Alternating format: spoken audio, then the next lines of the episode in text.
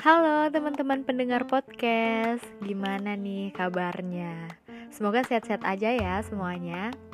Oh iya, perkenalkan kami dari KKN Tematik Gelombang 106 Kelompok 5 Biringkanaya 8. Podcast ini akan dibawakan oleh saya, Cynthia, dan teman saya, Indah.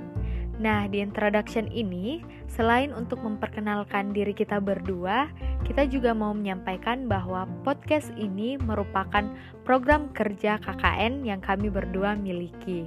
Asik banget kan ya, apalagi buat teman-teman yang suka dengerin podcast nih, kayak aku.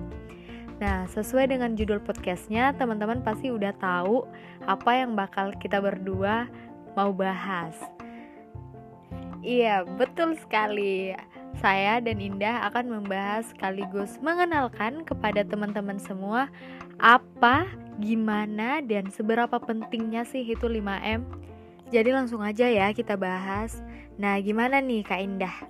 Kayaknya mesti dijelasin dulu ya gimana awal mula terciptanya ini 5M gitu biar sampai ke hati nanti penjelasannya sehingga langsung taat gitu buat diterapin di kehidupan sehari-hari di masa pandemi ini, ya kan? Bener banget Cynthia, aku setuju. Nah, bicara mengenai kol 5M ini bisa ada di tengah-tengah kita ya. Itu karena adanya upaya untuk mengalahkan penyebaran dan penularan COVID-19